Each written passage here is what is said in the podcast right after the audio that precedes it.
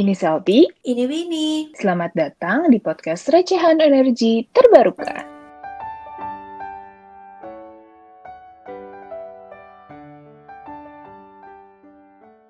Hai teman-teman, di episode kali ini kami mau cerita tentang karir yang ada di dunia EBT. Kebetulan nih, suka ada aja nih yang nanya, kalau di EBT itu kerjaannya apa aja ya? Tipe-tipe perusahaannya ada apa? Terus role-role-nya juga ada apa aja? Nah, iya, terutama mahasiswa-mahasiswa yang baru lulus nih, banyak yang bingung. Kalau sebenarnya aku minat kerja di EBT tuh harus apply ke perusahaan apa aja sih gitu. Bahkan ada yang sampai nanya, emang berkembang ya perusahaan EBT di Indonesia? Indonesia. Tipe-tipe perusahaan EBT sebenarnya ada macam-macam. Contohnya ya, ya kayak kami berdua ini, Selti di pemerintahan, Kementerian SDM, sedangkan aku di developer company. Tapi sebenarnya ada banyak tipe-tipe perusahaan lain. Contohnya ada konsultan, EPC, non-profit organization, ada think tank, ada international organization, dan lain-lain. Nah, Win berhubung ini kerja di developer company, kita mungkin bisa mulai ya dari developer company dulu. Bisa ceritain nggak sih itu kerjanya kayak gimana sih di developer company? Hmm, jadi di developer company itu atau bahasa Indonesianya pengembang, ini adalah perusahaan yang fokusnya bangun pembangkit listrik dari nol. Yang diurusinnya mulai dari cari potensi lokasi berdasarkan sumber EBT-nya, kemudian cari lahan, hingga urus semua perizinan dari lokal hingga ke pemerintah pusat. Contohnya, perusahaan yang mau bikin wind farm atau solar farm, pasti yang pertama dilakuin, cari lokasi yang bagus potensi angin atau solarnya. Berdasarkan data-data satelit sih biasanya. Nah, kemudian survei lapangan, dicari deh kira-kira lahan mana yang bisa dibangun dan kalau kira-kira semuanya oke, okay, perizinannya juga langsung diurus. Sebenarnya berarti untuk tahap survei lapangan ini ada potensi lowongan ya untuk orang-orang sains kayak meteorologi gitu misalnya. Iya, bener banget. Di tahap ini, kita tuh perlu orang-orang yang paham tentang potensi EBT. Biasanya, anak-anak meteorologi tuh tahu banget, apalagi tentang masalah angin. Nah, terus dalam prosesnya itu sendiri, biasanya perusahaan-perusahaan mereka akan cari potensi lokasi yang sebanyak-banyaknya. Tapi akhirnya belum tentu semuanya jalan. Mungkin dari 10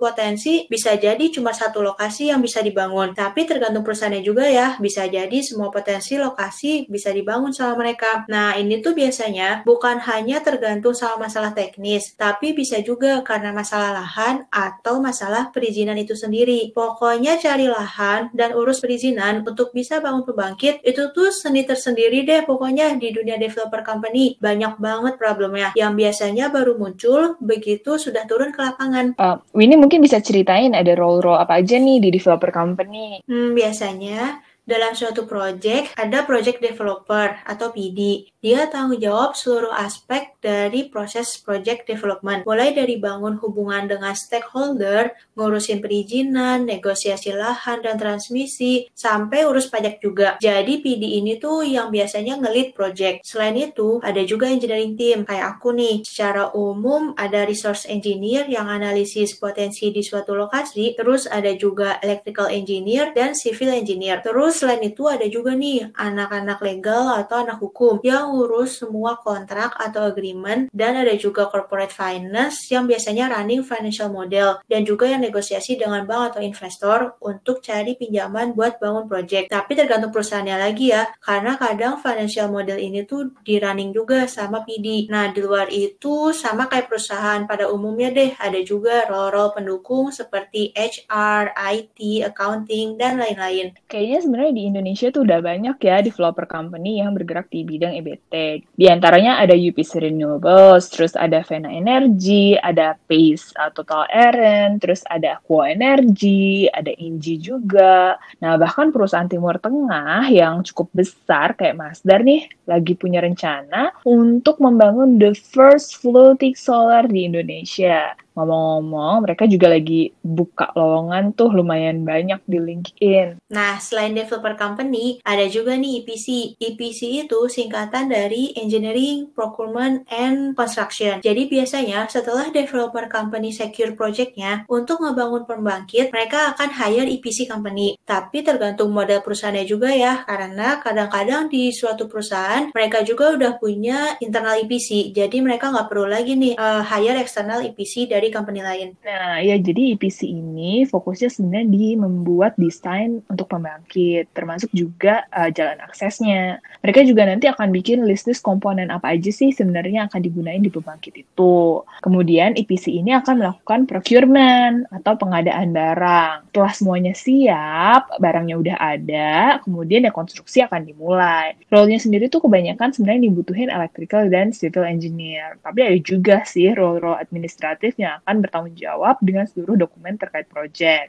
Tapi selain itu, udah tentu nih karena namanya ada procurement, akan ada juga yang namanya procurement engineer. Nah, selain itu, ada juga nih perusahaan konsultan ini juga ada macam-macam. Ada konsultan yang fokus di energy assessment, atau fokus di desain civil and electrical, atau fokus khusus untuk masalah grid atau substation. Bahkan di samping itu ada juga nih konsultan untuk masalah lingkungan atau AMDAL, bahkan ada juga konsultan untuk urusan pajak. Penting nih pokoknya urusan pajak. Jadi ada banyak banget tipe konsultan yang terlibat dalam proses pengembangan pembangkit EBT. Keahlian yang dibutuhkan untuk kerja di konsultan itu ya tergantung dari tipe konsultan itu sendiri ya. Misalnya kalau mau kerja di konsultan yang terkait dengan AMDAL, ya setidaknya tahulah tentang masalah lingkungan dan regulasi yang terkait dengan AMDAL itu tersendiri. Sebenarnya seberapa penting perusahaan konsultan ini itu adalah salah satunya untuk mendukung si developer company untuk cari pinjaman ke bank dan perusahaan investor supaya si project mereka ini bisa didanai dan sebaliknya juga bank atau investor yang akan mendanai itu mereka akan hire konsultan sebelum mereka setuju untuk mengeluarkan uang untuk sebuah project. Selain itu, sebenarnya stakeholder seperti kementerian atau uh, eh, PLN, mereka juga bisa hire konsultan untuk menganalisis proyek. Karena kan mereka nanti akan membuat keputusan tuh, akan memberi izin atau akan berkontrak nggak nih dengan suatu perusahaan. Nah, pasti ada pertanyaan lagi, kenapa sih perusahaan-perusahaan ini kok pada lari ke konsultan? Nggak bisa gitu dikerjain aja sendiri di internal perusahaan? Soalnya konsultan itu tuh dianggap netral, jadi mereka nggak ada kepentingan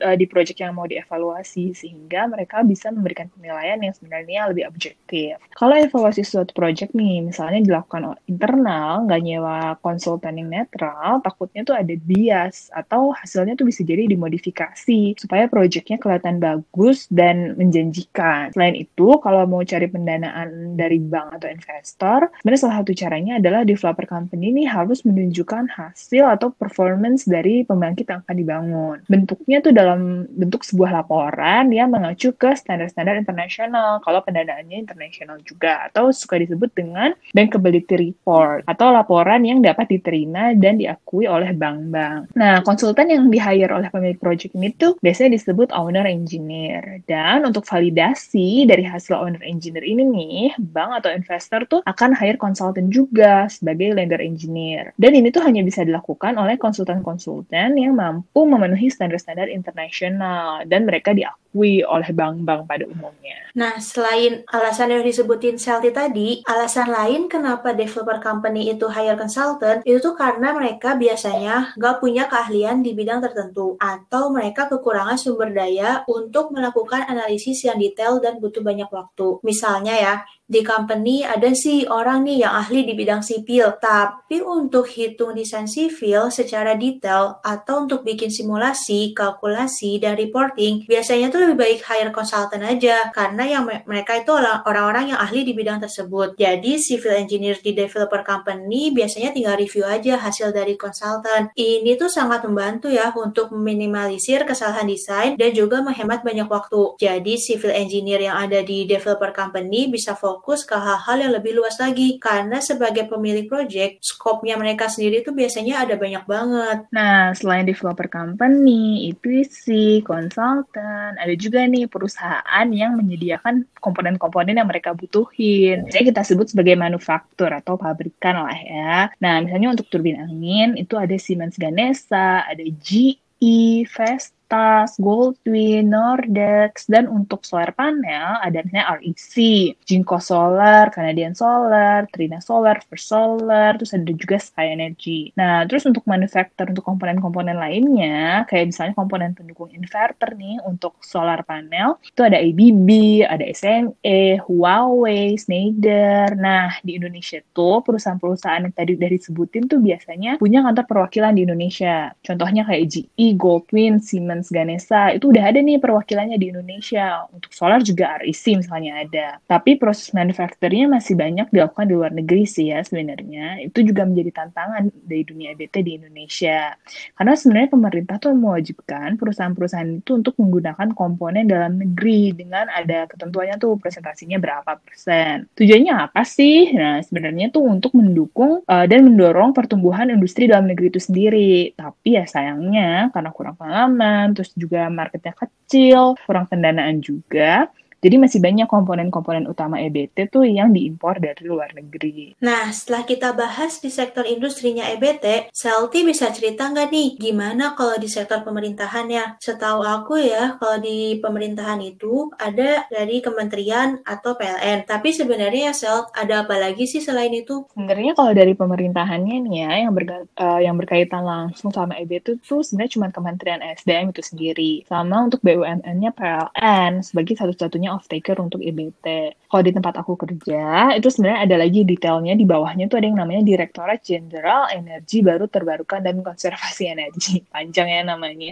Atau sering disebut disingkatnya EBTKE. Kayak yang udah sempat kita bahas di episode 1, si EBTKE ini tuh kerjanya mengcover semua proyek sebenarnya yang tidak menarik untuk industri atau swasta. Dengan program yang sering disebut dengan off-grid electrification. Karena kalau kita ngomongin EBT, sebenarnya kan dia tuh bisa menjadi solusi banget nih untuk untuk daerah-daerah terpencil yang belum punya akses listrik. Karena pembangkit EBT itu biasanya maintenance-nya sangat rendah, terus operasionalnya juga nggak ribet gitu loh. Hal-hal tipikal seperti ini tuh cocok banget untuk rural area. Tapi karena lokasinya yang jauh, jauhnya tuh jauh banget, terus pelanggannya tuh biasanya mengumpulnya tuh dikit-dikit, jadi secara hitung-hitungan bisnis tuh sebenarnya nggak akan nutup pembangkit-pembangkit off-grid ini. Nah, di situlah pemerintah masuk, Win, membangun pembangkit-pembangkit EBT dan ngasih akses listrik ke masyarakat di daerah tertinggal, terdepan, terluar, atau yang sering kita sebut tuh kita singkat sebagai 3T. Sementara untuk yang tujuannya industri itu mayoritas masih dilakukan oleh PLN. Misalnya jual beli listrik sama pengembang, seperti yang udah ini jelasin tadi. Terus juga PLN juga melakukan uh, jual beli listrik dan melayani pelanggan akhir, konsumen akhir, mau kayak pabrikan, perkantoran, atau bahkan rumah-rumah kita yang kita tempatin itu kan sebenarnya adalah pelanggan PLN ya. Nah, selain teknis tuh sebenarnya ada beberapa kementerian lain yang berhubungan erat juga dengan EBT. Misalnya Bapenas yang ngurusin perencanaannya Indonesia, terus ada Kementerian Keuangan dan BKP KPM yang ngurusin masalah keuangan dan perizinan. Terus ada Kemenko Kemaritiman dan Investasi nih, Kemenko Marves yang sebenarnya ibunya dari ESDM. Tapi sebenarnya selain dari pemerintahan itu, dari BUMN pun anak-anak perusahaan PLN tuh banyak kok yang bergerak di bidang EBT. Contohnya PT PJB nih yang ngerjain PLTS 1 MW Cirata yang lokasinya dekat dengan Waduk Cirata. Wah, banyak juga ya lembaga-lembaga pemerintah yang terlibat di pengembangan EBT. Pantesan aja ngurusin perizinan tuh panjang. Nah, Sel, selain itu, ada lagi nggak ya tipe-tipe perusahaan lain di luar industri dan pemerintahan? Ada lagi nih sektor pekerjaan yang kayaknya pas untuk anak-anak yang nggak begitu suka dengan hal-hal teknis, atau mungkin untuk yang punya latar pendidikan di sosial politik. Yaitu misalnya ada non-profit organization, think tank, yang uh, kerjanya di bidang EBT Contoh yang paling terkenal tuh mungkin AISR kali ya yang dipimpin Pak Febri Tumiwa. AISR ini tuh uh, salah satu yang paling vokal ngasih masukan dan policy recommendation untuk kebijakan-kebijakan EBT ke pemerintah. Biasanya tuh isinya nih mereka isi timnya nih gabungan antara orang-orang teknik sama sosial politik. Selain itu juga ada banyak banget sebenarnya organisasi-organisasi internasional dari negara-negara maju di Eropa ataupun Amerika yang bekerja sama dengan Indonesia dan punya proyek di Indonesia. Nah, si organisasi-organisasi ini tuh yang paling sering kerja bareng dengan kantor Akuin. Kalau yang sering didengar mungkin yang dari Jerman itu ada namanya GIZ. Nah, GIZ ini tuh punya banyak banget program-program EBT di Indonesia. Dan timnya pun sebenarnya agak besar ya, bisa di, terbilang besar gitu. Nah, di Denmark juga punya Danida, terus US juga ada USAID, UK juga punya program mereka, terus dari Prancis ada AFD, dan ada Asian Center for Energy, dari PBB ada UNDP. Nah, biasanya untuk proyek-proyek Indonesia, meskipun mereka organisasi dari luar, mereka akan tetap hire orang lokal sebagai representatif proyek mereka, dan expert yang mereka rasa tuh lebih kenal gitu loh negaranya sendiri. Nah, itu tuh juga peluang pekerjaan tuh sebenarnya. Nah, udah banyak banget nih peluang-peluang pekerjaan di bidang EBT yang kita bahas secara garis besar. Untuk episode selanjutnya, kami akan undang teman-teman kami yang berkarir di EBT yang udah tadi kita sebutin untuk tahu lebih dalam lagi sebenarnya kerjaan di EBT itu ada apa aja ya dan background pendidikan mereka itu apa, tantangannya apa, dan sebenarnya menyesal nggak sih mereka kerja di bidang EBT? Penting banget nih buat kita semua tahu. Penasaran kan? Nah, jadi ikutin terus ya episode-episode kami di podcast Recehan Energi terbaru. Bye!